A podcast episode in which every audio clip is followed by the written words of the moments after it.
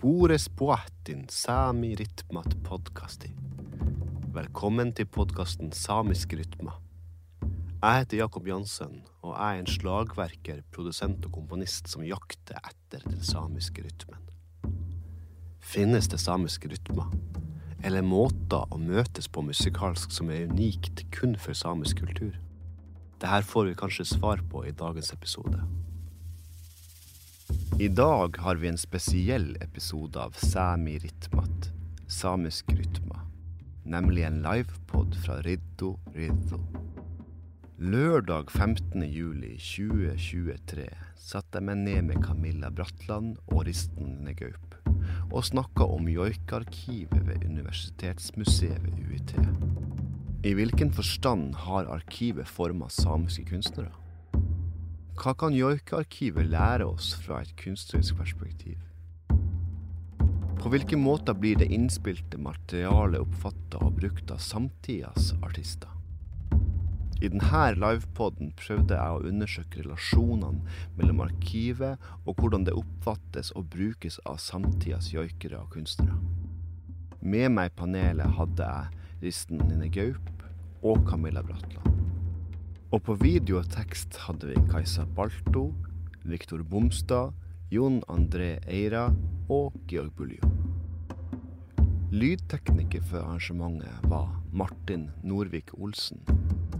Og joiken dere hører, kommer fra albumet Elid Loedit, som er restaurert arkivmateriale fra Joikearkivet. Tillatelsen for avspilling er gitt gjennom forlaget Datt. En stor takk til Riddo Riddo for muliggjøring. Takk til Kajsa Balto, Viktor Bomstad, Jon André Eira og Georg Bulje for bidrag.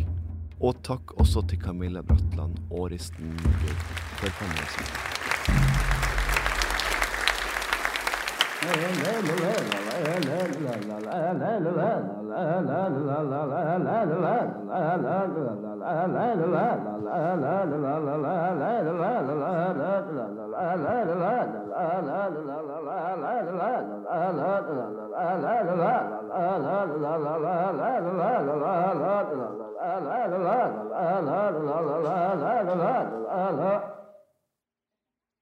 Ok, Bores Boatin Sameritmat live-podkasti. Odnemi sagastallat låte vorka birra. Hei og velkommen til denne livepodkasten av Sami Ritmat, samiske rytmer. I dag skal vi snakke om joikearkivet i Universitetsmuseet ved UiT. Vi skal snakke litt om betydninga joikearkivet har for samiske kunstnere. Vi skal snakke om arbeidet med digitaliseringen av arkivet, DigiJoik. Vi skal også nerde litt på noen joiker. Og vi skal slippe frem tanker og perspektiver om arkivet fra samiske kunstnere. Med meg her har jeg Camilla Bratland og Risten Anine Gaup. Camilla Bratland her hun er førsteamanuensis i samisk kulturvitenskap. Utdanna ved UiT med cand.mag. i samfunnsvitenskap, master i urfolksstudier og ph.d. i samfunnsvitenskap. Besitter hun en imponerende akademisk eh, karriere. Hennes forskningsområder dreier seg rundt samisk kultur, samarbeid mellom forskning og urfolkssamfunn. I årene 2004 og 2005 var hun også Riddo-leder her. Camilla Bratland er i dag prosjektleder for DigiJoik og har også det overordnede ansvaret for uh, joikarkivet ved UiT. Ta vel imot Camilla Bratland. Min andre gjest her er hun Anine Gaup. Risten Anine Gaup er fra Gårdøgeino, Grattangen, og er en samisk kulturformidler og musiker. Hun er oppvokst med en levende joiketradisjon i hjemmet, og har fra barnsben av opptrådt med joik, teater og annen kulturell kommunikasjon. Som kulturformidler jobber hun daglig med ivaretaking og fremming av samisk språk, kultur og tradisjoner. Hun har bl.a. jobba som kulturskolelærer i teater og joik for samiske barn og ungdom og hatt oppvisninger med storytelling og dramatisering til joik. Holdt joikeworkshops for barn og voksne, og aktuell som utøvende kunstner, musiker i forskjellige samiske forestillinger som Hyl i hælen, Vastados ena, med mer. Hun opptrer med soloprosjekter, men spiller også i bandet Åtsess sammen med sin søster Sara Mariell Gaup. Ristanin er også tilsatt i DigiJoik, der hun jobber med å bl.a. notere Daya Hosat, joikepoesi. Ta vel imot Risten Anine Gaup.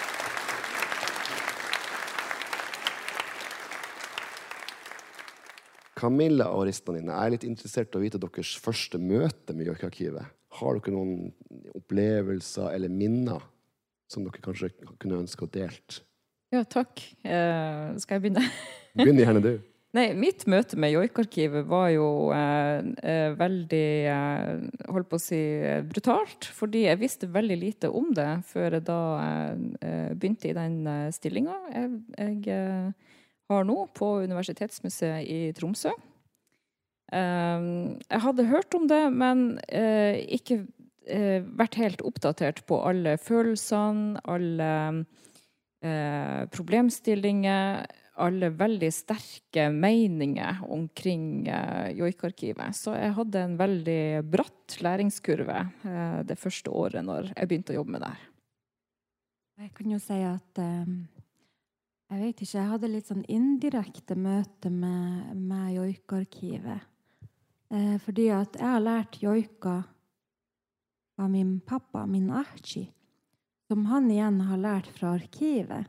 Jeg var faktisk ikke klar over at de kom fra arkivet, før jeg har nå hørt mange av dem i jobben på, på Digijoik. da. Og kjenner igjen og 'Å ja, den her har jo jeg lært hos pappa.' Og, ja.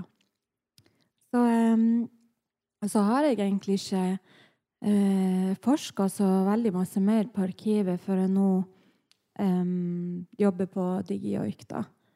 Men uh, jeg syns jo det er veldig spennende. Og jeg elsker jobben og hører på de gamle joikene. Mm. 12. juli ble et album av dyrejoiker publisert. Joikene kommer fra arkivet ved Universitetsmuseet ved UiT. Skal vi lytte litt på det. Nå skal jeg ta og joike en melodi som er joiket etter bjelleklang. I en ren flokk, f.eks. på eh, 1000 dyr, er det jo nær innpå 100 bjeller. Og den er komponert deretter f.eks. en ren flokk er i trav, så vil man jo høre bjellene klinge jevnt og jevnt. Og den er komponert deretter. Og den lyder slik.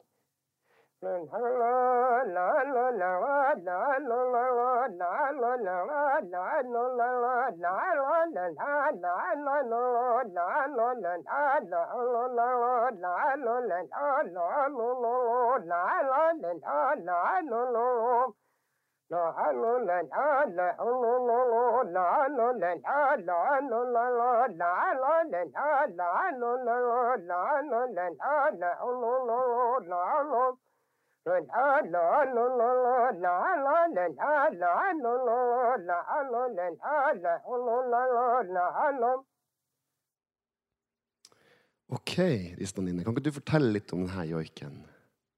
Um, ja, det er jo litt sånn um, De som har samla inn de her uh, joikene, de har jo ikke snakka samisk. Uh, vi har jo Arnt Bakke fra Tromsø museum, blant annet. Uh, og her var den her beskrevet som joiken til en reinflokk. Det sto egentlig bare det at det her var en, en reinflokkjoik. Eh, men med å se på tittelen på, på joiken, som er Marrenjaraga, så forteller det egentlig meg med en gang at denne joiken hører til Marrenjaraga. Og det der også reinene som hører til Maranjarga-området. Så det er ikke bare en hvilken som helst reinflokkjoik. Det er reinen som hører til Maranjarga. Mm. Denne joiken hørte vi fra albumet som heter 'Elit Loedit', fra samlinga låter våre. La oss høre på én til før vi går inn og prater litt mer om albumet og samlinga.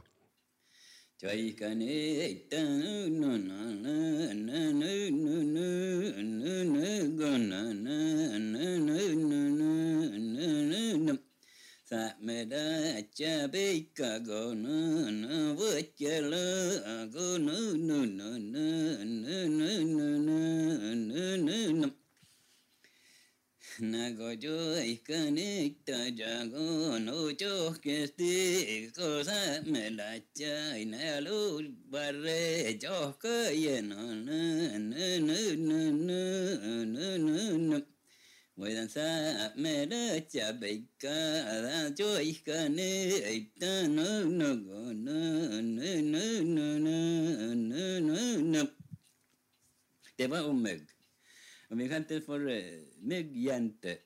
Hun samla de reina på fjelltopp. Og det var den mygg. Kan ikke du fortelle litt om denne Dayahosaten her den her poesien som vi hører her i Stovne? Ja. Um. Og Det er jo veldig spennende, syns jeg, med, med dajahosa i mange av joikene. Fordi at uansett hvor, hvordan eh, hvem som blir joika, eller hvilke dyr som blir joika, så, så er det gjerne noe positivt i joiketeksten. Så i denne så er det jo teksten det at eh, tjoikaneida, altså myggjenta, eh, hjelper til med å, å samle flokken. Så det er egentlig en hjelper til, eh, til samene. Og det, jeg tenker at det er veldig typisk for, for joik at eh, man gjerne har altså, Den som blir joika, blir gjerne eh, skrøttet litt av. Så selv om myggen kan være veldig irriterende, så man egentlig ikke ser helt poenget med at vi har så masse mygg i nord, eh, så, så er det faktisk eh, en biga. Det er en hjelper til, til sameløkja. Og så er det jo at at ikke sant, at de går på fjelltoppene, reinen, for å slippe unna myggen. Så det er jo som at myggen jager dem opp til fjelltoppene. Men også til eh, Davas, altså til kysten. Eh, kysten når den kommer på Midtsemaret.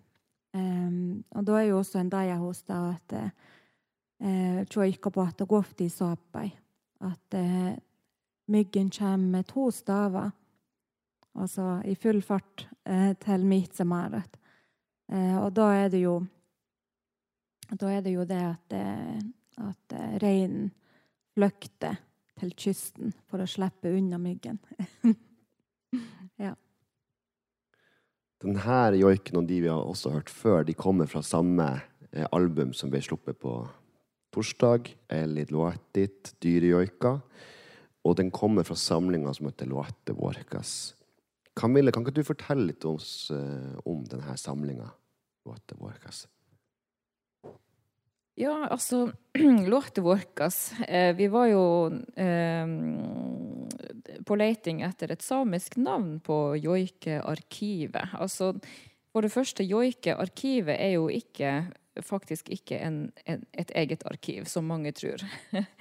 Eh, det er del av Nordnorsk folkemusikksamling. Det har vært samla inn eh, folkemusikk, altså folkemusikktradisjoner i Nord-Norge uten hensyn på ja, å skille på eh, Skille joik fra kvensk eh, tradisjoner, fra salmer, fra stev, fra skillingsvise osv. Så, så i arkivet, når det er samla inn, så, så kan man finne hvis man vil inn og lytte der, så må man gjøre en god del gravearbeid først for å, for å kunne skille ut eh, eh, Ikke sant? Hvis, hvis det er akkurat joik, bare joik du vil høre, så er det faktisk ikke sånn at man kan gå inn og, og finne et joikearkiv. Ja.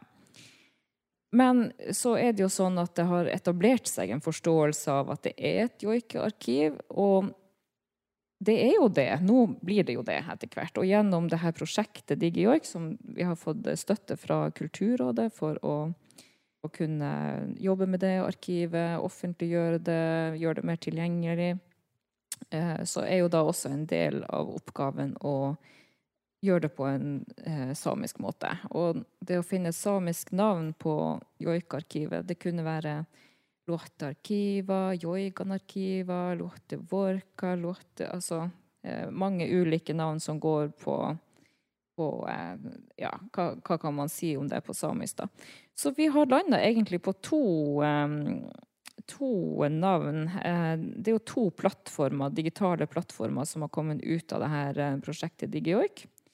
Eh, Det ene er på Digitalt museum, og det har vi faktisk kalt for Lotte Arkiva, eh, som, som Risten har som sitt hovedansvar. At hun eh, kvalitetssikrer og legger ut joik på Digitalt museum sin eh, Altså den portalen som vi da har kalt for Lotte Arkiva.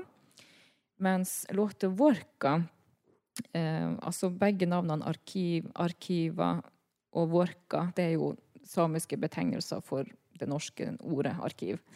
Låte Vorka er da navnet på den albumserien som vi publiserer på strømmetjenester. Og der er det jo da eh, Det gjør vi i veldig tett samarbeid med Ole Johan Gaup, som vi også har da engasjert på prosjektet DigiOik. Så både Risten og, og Ole Johan er ansatt som prosjektmedarbeidere og har liksom hver sine digitale plattformer, kan du si. Så det Eli Luodit, det er da det tredje albumet på strømmetjenester, og det første var eh, Bikonilja, som er da en samling av joiker fra eh, eh, Bikonilja, eller eh, Nils N. Biti, eh, fra Sjosjjevri, som ble sluppet tidligere i år. Eh, og så da det andre albumet er Faurosorda 1952, og det er da en samling av eh, eh, joik fra eh, distriktet Favrosorda, som ble sluppet i påska i eh, Kautokeino. Og så gjør vi da det her tredje albumet her med dyre joik, og spesielt retta mot barn, da, her på Riddo, Riddo-festivalen i år. Mm. I den forbindelse så vet jeg at dere begge to er engasjert i barnefestivalen her på Riddo. Og det er slik at dere også har brukt det her albumet som utgangspunkt der òg. Ja, vi har laga Hvert år så er det jo joik på barnefestivalen. Så i år så har vi laga de her uh, forskjellige barnegruppene etter dyrenavn. Så de har heita Hanja og Rieban og Miesi og Gareia og forskjellige dyrenavn som, som uh, Altså forskjellige dyr som blir joika eh, på albumet Eli ditt. Og da har vi eh, Jeg har jobba med, med å lære ungene de her joikene som er på, på det albumet, da. Og mange av dem er helt ukjent for meg. Noen har jeg hørt før, og noen har jeg ikke hørt før. Så jeg har da måttet lære med dem, og så har jeg lært dem videre til, til ungene. Og så har vi hatt hovedfokus på deres eh, gruppenavn, da. Eksempel at alle som er på Garja-gruppa, får lære Garja sin joik. Alle på, eh, på Gompe-gruppa får lære Gompe sin joik. Ja. Og så har vi hatt en felles joik som, som alle i gruppen har, eh, har lært seg, og det, det er sapen. Musa.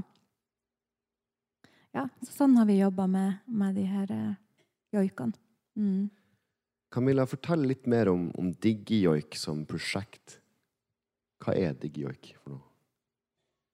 Eh, Ja, det jo, var jo da um, en søknad som ble sendt til Kulturrådet av uh, vår instituttleder på uh, Universitetsmuseet, som tok tak i, i uh, hvordan få tilgjengelig, mer tilgjengelig uh, joikearkivet. Og når jeg, jeg fikk prosjektlederansvaret for det prosjektet når vi fikk pengene fra Kulturrådet, og det var kjempe utrolig flott at vi fikk det. Eh, og da eh, var det jo en arbeidsplan, eh, og på Joik-arkivet er jo del av, eh, av eh, den avdelinga som heter Nyere kulturhistorie på Universitetsmuseet. Og i den gruppa, den faglige gruppa vi hadde, så ble vi fort enige om noen, noen prioriteringer vi måtte ha i prosjektet. Og det ene var jo da å fort hente inn um, joikere, artister, eh, sentrale folk fra joikeforeninger, eh, kunstnerforeninger, produsenter som, som jobber med joik, og innhente og diskutere med dem eh, hvordan ønsker de å bruke arkivet, hva er problemstillingen omkring offentliggjøring av arkivet, eh, osv. Så noe av det første vi gjorde i prosjektet, var å ha et eh, seminar på, på eh, museet, der vi hadde eh, mange deltakere. Eh, og de ble etter hvert en referansegruppe for prosjektet, og vi hadde en god del diskusjoner med den referansegruppa om, om egentlig veldig tøffe problemstillinger omkring offentliggjøring. Og ja, det er mange ulike meninger omkring det. Det oppdaga vi jo veldig fort. Mye av arbeidet i DigiJork-prosjektet gikk egentlig den første delen til å, å, på en måte sondere terrenget. Vi var mange som var nye i det her. Vi hadde med oss Ola Graff, som hadde jobba med arkivet og andre ikke sant, som, som var, hadde mye kompetanse på det. Men, men eh, vi som var nye i det, trengte å vite mer, og vi trengte å etablere våre egne relasjoner og meninger da, om, om eh, hva som også er riktig for framtida. Så den første delen av, eh, av, tida gikk egentlig veldig mye til, til eh, de sonderingene der. Og etter hvert så landa vi da på de her to plattformene, at det var det vi, vi skulle gjøre. Og så er det jo eh, ikke sant nå eh, snakk om å, å, prøve å videreføre dette arbeidet på noe vis og finne samarbeidspartnere, eh, finne finansiering.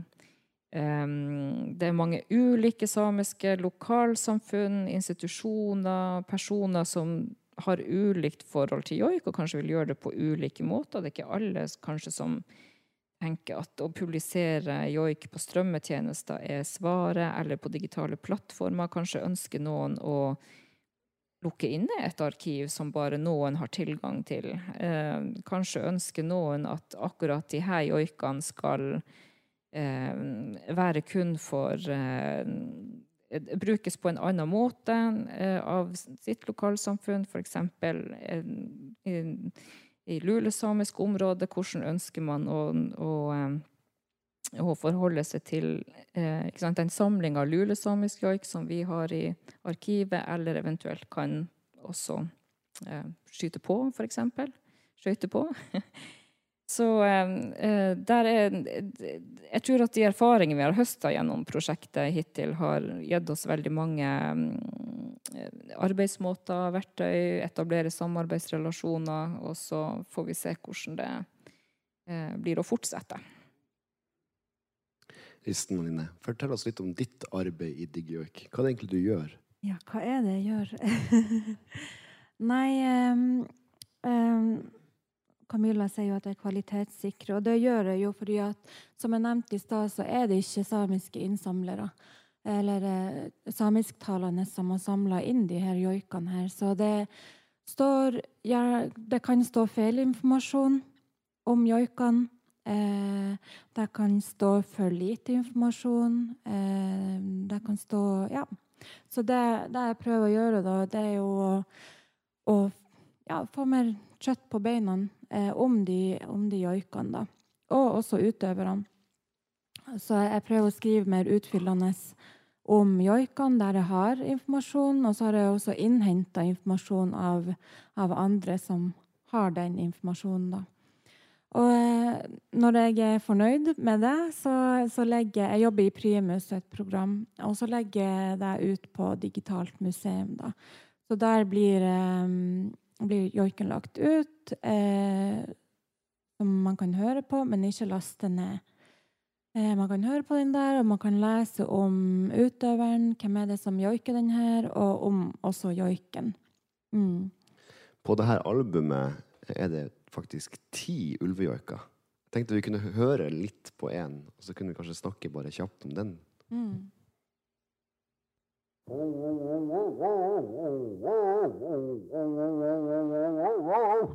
Wande kwaka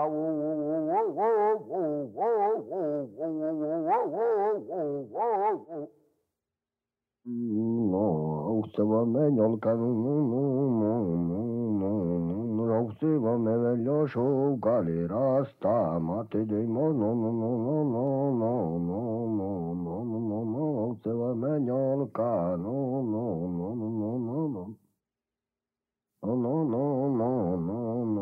Ρόχτυπαμένιον κανόν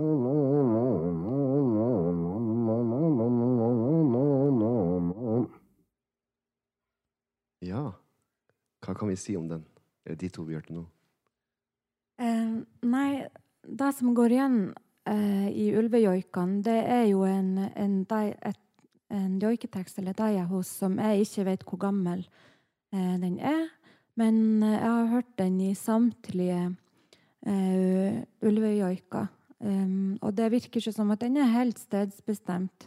Nå er det jo ikke alle ulvejoikene som har, uh, har deia hos seg. Jeg har også hørt jo- eh, ulvejoiker uten daiahoser. Men det, det er også veldig mange som har den samme eh, joiketeksten, og det er det at um, Outsi uomi nolki, da. Outa veikis. Og som betyr det at eh, gompe, eller ulven, den, eh, den beveger seg over eh, eh, ni dalfører i løpet av en ettermiddag. Og det er noe med den tallet ni eh, som jeg syns er ganske spennende. At det går igjen. Og hvor, hvor kommer det her ifra? Er det fra en fortelling?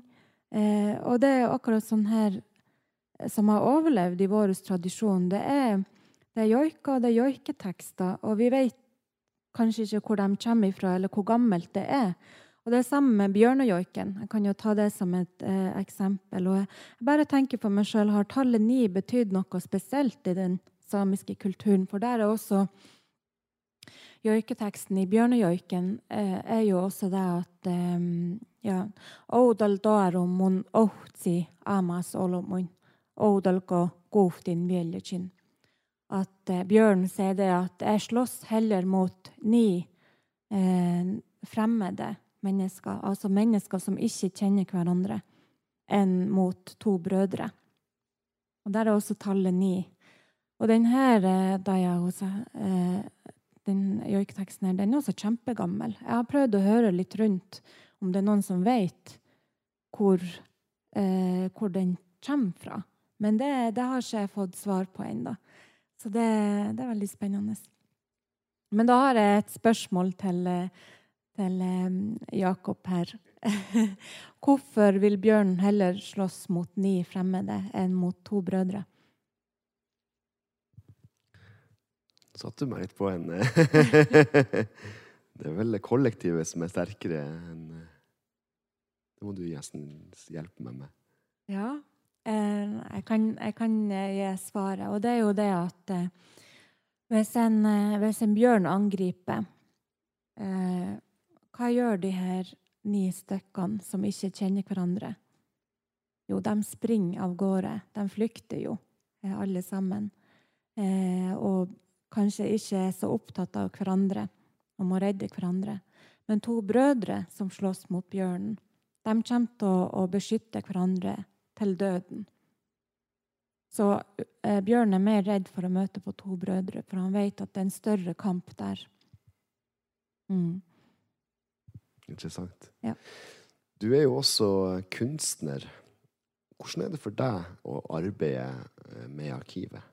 Og har du noen tanker om hvordan kanskje dette arkivet har forma samiske kunstnere? Jeg tenker jo det er veldig viktig med eh, å liksom høre og være klar over og, og kjenne til tradisjonell joik, spesielt i, spesielt i disse dager hvor eh, det er blitt veldig moderne og, eh, og eh, jeg vet ikke, Jeg eksperimenterer med joik blant, eh, blant samiske artister og kunstnere. Så jeg føler man har gått eh, ganske mye bort fra den tradisjonelle joiken, og det er mer den moderne joiken som som eh, briljerer i disse dager. Sånn at man har liksom eh, Man kombinerer joik med elektronika, med rock, med ja, pop, med alt mulig, og liksom sette joiken i bås, da, eller forme joiken etter, etter omgivelsene, eller etter det musikalske. Og det er ganske Det, det er kult. Det trenger vi. Men vi trenger også, vi trenger også de tradisjonelle joikene. Vi trenger å kjenne til dem, vi trenger å høre dem, og vi trenger at de blir brukt i hverdagen. Eh, og jeg er jo veldig for at eh, joik ikke skal kun brukes som en scenekunst, men det skal brukes som det har blitt brukt, som det Altså grunnen til at joiken ble til i det hele tatt, og det er jo for eh, for det medmenneskelige, det er jo for kommunikasjon, det er jo for kjærlighet. Altså, vi er jo Vi samer vi er ikke så flinke til å vise følelser, og vi er ikke så veldig flinke til å snakke om følelser, kanskje. Vi har en sånn taushetskultur, og jeg tror at det, det, er fordi at vi har vært vant til å vise følelser via joik. Fra gammelt av. Mm. Eh, og jeg tror vi trenger vi trenger joiken i hverdagen. Altså, jeg joiker, joiker når jeg er irritert. Jeg joiker når jeg, jeg vasker opp. Jeg joiker, joiker når jeg leker med dattera mi. Og ja. Vi trenger de her naturlige arenaene for joiken, da. Ja. Jeg vet ikke om det svarte på spørsmålet, men Veldig fint. Takk. Jeg har også spurt eh, Georg Buljo, Kajsa Balto, Jon André Eira og Viktor Bomstad om eh, sine perspektiver. Vi skal få se Kajsa Balto, Viktor Bomstad og Jon André Eira på film her. Og etterpå så har Georg sendt eh, også en liten tekst som jeg skal lese. Eh, Jeg heter eh, Kajsa Balto, og for ca. fem år siden nå så var jeg med i et mentorprogram på Riksscenen i Oslo som ble ledet av Georg Buljo. Og eh, Georg tok oss med til eh, Tromsø en dag, til joikarkivet der. Og først fikk vi treffe Ola Graff, så vi satt og hørte på han fortelle og forklare. Og så fikk vi sitte og lytte selv etterpå. Eh, det var første gang jeg var der, og joikearkivet var egentlig ganske ukjent for meg da. Mm, så det var veldig fascinerende. Plutselig så kom jeg over også et opptak hvor eh, hvor eh, Berit Nordland joiker min adja. Og det var eh, ganske sterkt, faktisk. Det var, litt spesielt. Da fikk jeg i hvert fall en veldig sånn umiddelbar eh, Ja. Skjønte veldig den, den, den dybden av arkivet da, traff meg veldig hardt. Så um, det var veldig fint. Ja. Uansett, joikearkivet eh, Ja. Det åpna på en måte litt sånn en ny verden for meg, fordi eh, jeg ble introdusert for litt sånn andre perspektiver på joik enn det jeg sjøl var vant til. Og jeg ble oppmerksom på diskusjoner som frem til da hadde vært ikke så kjent for meg, men som har vært problemstillinger som jeg syns har vært veldig spennende å følge med på nå eh, etterpå. Så ja, jeg har ikke brukt eh, noe veldig konkret fra arkivet eh, i min egen musikk enda, sånn, Jeg har ikke brukt eller tatt utgangspunkt i opptak derfra eller sånn, men eh, det jeg har eh, i hvert fall fått eh, gjennom Jaukearkivet og den lille stunden der da, med Ola og Georg, det ja, det var nye innfallsvinkler i hvert fall, og kanskje noen nye verktøy også der. Fikk jeg der. Mm. Neste person er Viktor Bomstad, og Viktor Bomstad er fra Storfjord. Og han er nå fylkesjoiker i Troms. Jeg starta for alvor å jobbe med joikearkivet i 2018. Da jeg starta på masteren min som var joik som utgangspunkt for improvisasjon. Um, og det er jo et helt utrolig stort arkiv med som jeg fortsatt ikke har kommet helt gjennom. Og det er gjort et imponerende arbeid med å samle inn og ivareta de her eh, låtene. Og eh, kanskje spesielt for oss som kommer fra områder hvor joiketradisjonen har forsvunnet, så er det en liten livlinje som kan si oss noe om hvordan joiketradisjonen hjemme hos oss kan ha hørtes ut før den forsvant. Det er utrolig mye gull der med opptak fra Storfjord, Lyngen, eh, Nordreisa, og det er både dyrejoika, personjoika og stedsjoika, som er veldig relevant for i, i mitt virke, da. Så joikearkivet er rett og slett en utømmelig inspirasjonskilde og veldig, veldig viktig rent personlig for meg i mitt kunstneriske virke. Neste ut er Jon André Eira, som er aktuell med Spellemannspris i år med bandet Gabba. Heia, Jon André Eira her. Jeg har eh, frekventert joikearkivet joikarkivet ved Nordnorske Folkemuseet ved to anledninger nå. Og begge gangene har jeg sagt til bestekompisen min at her er starten på et nytt kapittel i livet mitt. Og grunnen til det, det er ikke bare det at jeg får høre hvordan eh, folk født på 1800-tallet joika, og at jeg fant opptak med bestefaren min som joika. Men det er også det at jeg har lært utrolig masse ved å eh, dykke dypt ned i arkivmaterialet. Jeg tror ikke jeg overdriver hvis jeg sier at jeg har lært meg over 1000 joiker fra arkivet. Um, Nå som arkivet holder på å bli lagt ned og stengt, så har jeg en inderlig bønn til eh, museet i Tromsø. Vær så snill, finn en ny forvalter. Ikke nedprioriter dette arkivet, for dette kommer til å være til nytte for hele den samiske befolkninga i framtida. Believe me, that's what I say. Bye bye. Ja, la oss snakke litt om de her opplevelsene de deler med oss. Først, Camilla. Hva tror du han mener med nedlegging av arkivet? Ja, eh, det jeg tror han viser til der, det er jo at det er ingen egen fagstilling på Nordnorsk folkemusikksamling. Altså den stillinga som, som Ola Graff hadde. Uh, og det er jo en situasjon som mange arkiver er i. Uh, altså, det er Vi lever i en verden hvor um, Ja. De spesialiserte fagstillingene blir borte, og man slår sammen sant, flere fagområder til mer overordna stillinger som generelt skal håndtere arkiver som har veldig, veldig ulik karakter. da. Um, så det er helt klart behov for, for, en egen fagstilling på ikke bare Joik-arkivet, men på Nordnorsk eh, folkemusikksamling. Og det samme for andre arkiver, som fotoarkiv, eh, gjenstandssamlinger. Altså det er virkelig skrikende behov for eh, folk. Og, om, og så har det jo vært sånn at de folkene har vært ansatt på Universitetsmuseet? Trenger man å ha de samme strukturene i framtida? Kan man tenke litt mer eh, desentralisert, litt mer eh, nettverksmodell, eh, ikke sant, for hvordan man faglig går inn og, og håndterer sånne arkiver, da. Så, så, han har helt rett at, at uh, her, her, er det et, et, behov for en forvalter.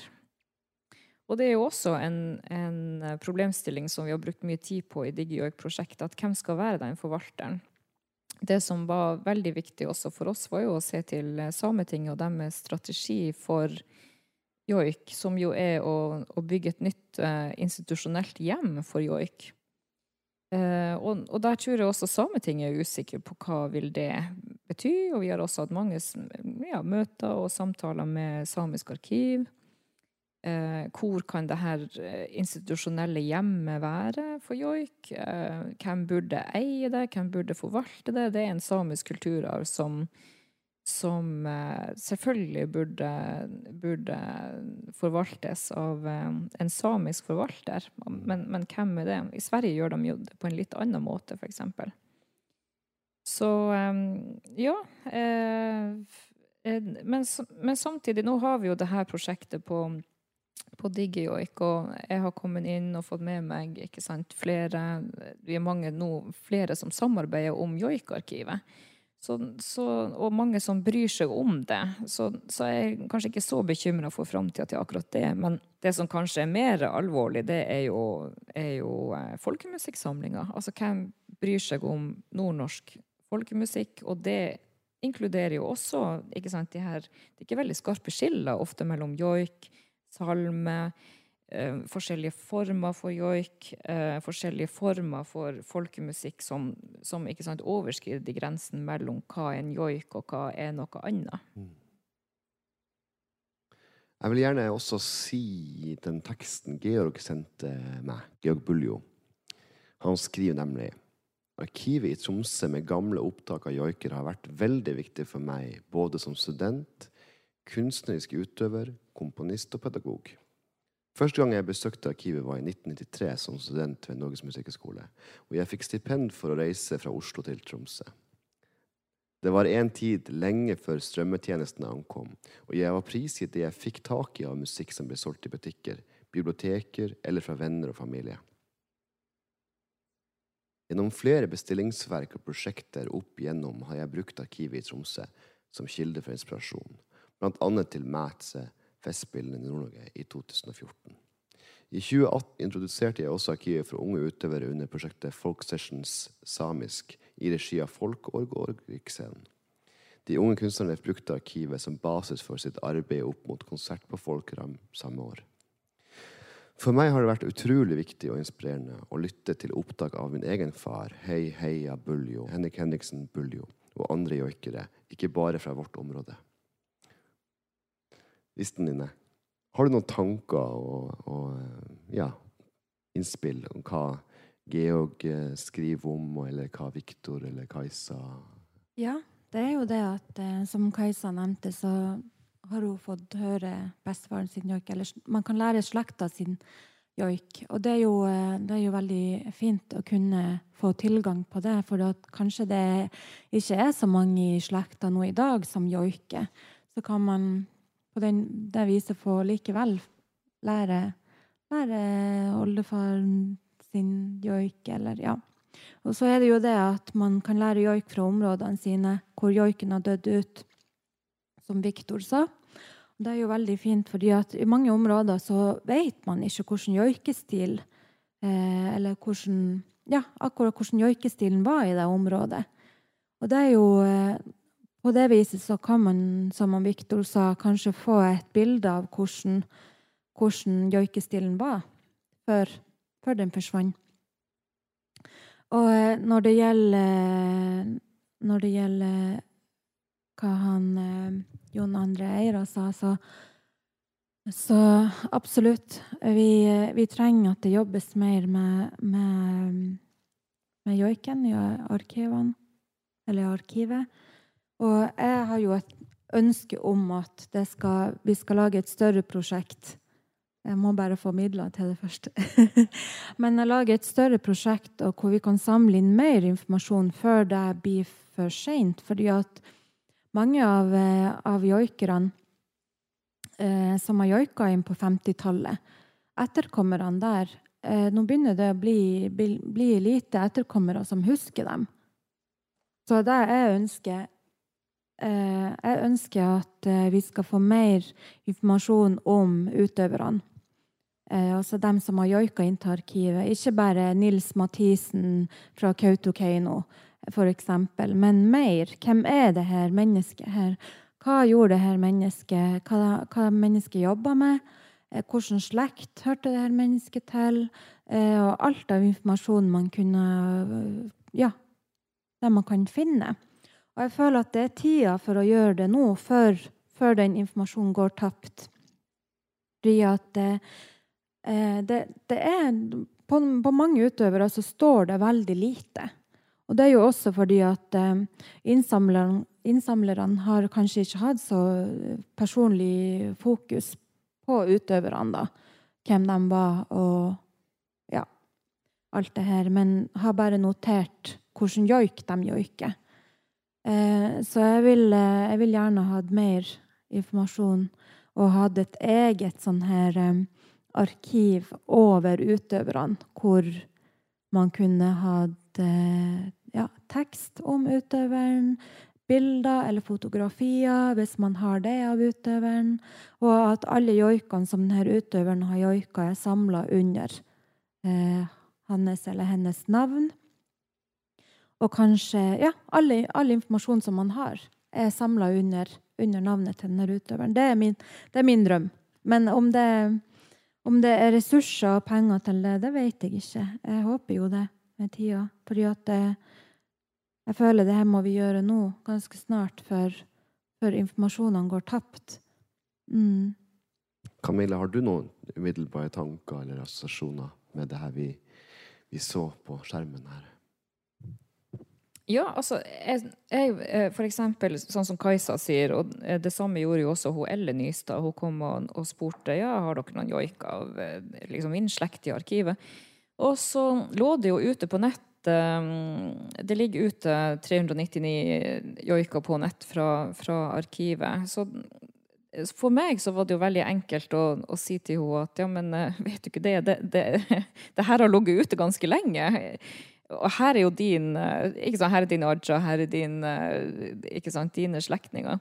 Og hun visste ikke det. Og det er jo akkurat den opplevelsen vi får eh, ikke sant, mye, at folk vet ikke om det, hva som er, hvor de skal gå for å finne informasjon. De vet ikke at eh, kanskje deres foreldre, eller sånn som også ikke sant, Jon André sier, at, at her er, er, det opptak av deres slekt. ikke sant? Og det jeg syns det er veldig bra at vi kan være en ressurs for, eh, for det. ikke sant? At folk blir kjent med sin egen, sin egen tradisjon. da. Um, nå tas det jo kanskje opp litt lite akkurat det her med Eh, ikke sant, problemstillingen i forhold til det. Eh, I referansegruppa til prosjektet så fikk vi jo veldig sterke eh, også beskjeder om at skal vi offentliggjøre noe, så må vi spørre folk. Altså dem som joiker, dem som blir joika, dem som oppfattes som rettighetshaveren til joiken. Så, så, det er en annen side av saken. Eh, Hvordan går man fram hvis eh, det er sånn at noen ikke ønsker at akkurat den joiken skal publiseres eh, overalt, og man skal høre det på i situasjoner som kanskje for dem oppleves som veldig upassende. Eh, sånn at her er det også veldig sånn generasjons... Eh, ikke sant? Det er spenninger mellom generasjoner, eh, mellom ulike måter å forholde seg til joik på. Og her har vi jo hørt fra sant, den, de unge. og, og det syns jeg også er utrolig inspirerende å jobbe med akkurat akkurat dem, og samtidig veldig viktig å liksom skjønne hva er det Hvilke relasjoner hadde man til joik før? Hvorfor vekker det eh, ikke sant, følelser, motstand? Eh, og også forstå den sida av saken. Jeg kan jo kanskje også legge til eh, at det er jo en myte, eller hva man skal si det er jo, det, Folk snakker jo om at eh, de som har joika til arkivet, de ble skjenka for at de skulle joike. Og det er jo en, eh, en snakkis, eller folk som tror at det er faktisk sånn de samler inn joikene. Og det er litt trist hvis de tror det at alle, alle joikene er liksom er tatt opp under eh, drukkenskap, for det stemmer ikke. Ja. Så det er også kanskje, kanskje eh, mange som hvis de tenker det at de ikke har lyst at de her joikene skal publiseres. Ikke sant? Mm. Da tenker jeg at vi skal slutte med en joik. Kan du fortelle litt om denne eh, sapen? Ja, det er den vi skal høre, ja. Det er min favoritt på det her albumet her. For at hun som joiker Det er jo Bedesonna som joiker, er det det? Jeg tror det er Bedesonna. Mm. Hun sier det som det er. Ja, jeg liker det. Hun er veldig direkte og sier akkurat hva denne musa har gjort. At den, den musa den beveger seg hvor den vil, når den vil. Eh, det er ingen som klarer å stoppe den. Og eh, den, eh, den, den, roter overalt, og den, den, rusker overalt. Og så spiser den på reinskinn og, og sånn her og bæsje overalt. Så jeg liker at ungene syntes den var veldig artig når jeg fortalte dem joiketeksten. Da hadde de veldig lyst til å lære den. Så eh, ja, det her er min favoritt. Før vi skulle spille den, så vil jeg bare stille dere begge to et kjapt spørsmål. og det er Hva dere føler liksom Har dere noen visjoner eller mål med at eh, de her, noe av arkivmaterialet digitaliseres og, og lanseres på strømmetjenester? Ja, altså eh, Det er jo en situasjon ikke sant, som er litt radikal. For det at eh, vi har hatt et, eh, en institusjon, et museum, som har vært del av en fornorskningstradisjon. Eh, hvor målet også var å eh, altså i, i, Under fornorskningsperioden så var jo målet å dokumentere en utdøende tradisjon. Eh, og, og det har jo farga hele samfunnet, egentlig. Man har tenkt at ja, men da burde de tradisjonene bare lukkes inne da, i et arkiv, siden den er på tur å dø. Så da gjør vi det sånn. Så det er ikke bare innsamlerne som på en måte har hatt den holdninga, men det har også dem, mange som har bidratt, ikke sant, har også tenkt at, at det her må bevares for framtida. Så har man ikke tenkt at ja, men hva skjer i framtida? Og nå er vi jo her. Vi har hatt en rapport som kom ut nylig, altså rapporten fra Forsonings- og sannhetskommisjonen. Og jeg tenker at dette er en måte vi kan bidra eh, sant, til å komme Altså markere at vi skal bidra ikke til å fornorske, men til å vitalisere samisk kultur. Eh, og da må vi også fjerne oss fra de tankene om at eh, Eller tenke nytt om hvordan vi eh, oppbevarer joik, og hva vi gjør med joik. Eh, og det er ikke bare vi som må tenke nytt, men hele samfunnet må tenke nytt om det. Og også ta et oppgjør med, eller forsone seg med, at det har vært en tradisjon, nå gjør vi faktisk noe annet. Eh, for å faktisk kunne bevare samisk kultur for framtida, eh, og denne kulturarven. Jeg kan jo si også det at um det, er kanskje ikke, altså det er ikke alle som har slektninger som joiker. Altså jeg er jo veldig heldig. Jeg er jo oppvokst i Goldegate og har en pappa som joik, har joika og joiker fortsatt, og har onkler som joiker. men det er ikke alle som har det. Og når jeg vokste opp, så var jeg den eneste hele, på hele trinnet mitt som joika. Det var ingen andre unger og, eh, som gjorde det. Og det var sånn, vi var liksom, jeg og søsknene mine, vi som, vi som var opptatt av joik, og, og, vi var sett på som eh, Uff, de der, de skal nå joike hele tida. Og det var liksom ikke kult. Det var en holdning om at man ikke skulle joike i den tida. Og denne holdninga den har også levd i Godegate nå. Som har gjort det at det er veldig få som joiker i dag. Eh, og det er få på min alder, og det er få, få på min, min eh, pappa sin alder som, som joiker. Og hvor man, hvor man, da skal lære seg joik når man ikke har noen i slekta som joiker. Jeg tenker Da er arkivet veldig, veldig fint å ha, fordi der har vi eh, tradisjonelle joiker som man kan lære seg, som er helt innafor å lære seg også. Det er ingen som på en måte eier dyrejoikene, f.eks. Det er, de, det er fritt fram. Der kan alle, alle, samiske unger, og ungdom og voksne lære seg de her joikene hvis man vil, og, og bruke dem. ikke sant? Eh, og så kan man også få tilgang på slekta, slektningene sin, eh, sine joiker, og, og få, få, kjennskap og eh, liksom et forhold til joik på det viset, når man ikke har noen i familien som, som kanskje utøver joik. Da kan jo kanskje en bra plass å starte kan være på i Musas joik, kanskje. Ja. joikastan jokun sähpän kun lullulululululla nouda kun lullu ruhta kun Näin jolla olla ko väles teureko mehtun, olla ko olla olla olla ko olla, vasi vessu juohki ko joko sähpään is joko no. Aga joko pesä juohki ko kuuluidan, kali tolle mihkikin munna, natjan no oli uhkaa laaja ko munna, suolata kalli vähä ko munna. Lavisota porai visota pillisti, joko lallo lalo konjaika, tolli ja peppu ja johki kolinkka, ruskiko nokti pohja kolon. Olla tsepa korvulle laihta kololla, lolla kolosio kuhkisko seipi, leuhka kololla. lolo kolollaan, kottan takalle mai kotsähpännä, särvysko lennä, luudin kolollailai.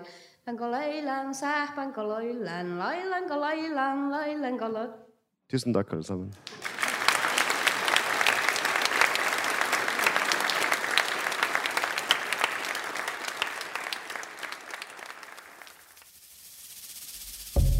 Tusen takk for at du har lytta på. Musikken som har blitt nevnt i denne episoden, ligger i en spilleliste, og linken til den finner du på Instagram-kontoen samirytmat, samiske rytmer. Hvis du har innspill til podkasten eller ønsker å komme i kontakt med meg, så kan du nå meg via Instagram på samirytmat, samiske rytmer, eller via e-post til jakobjansson at gmail.com.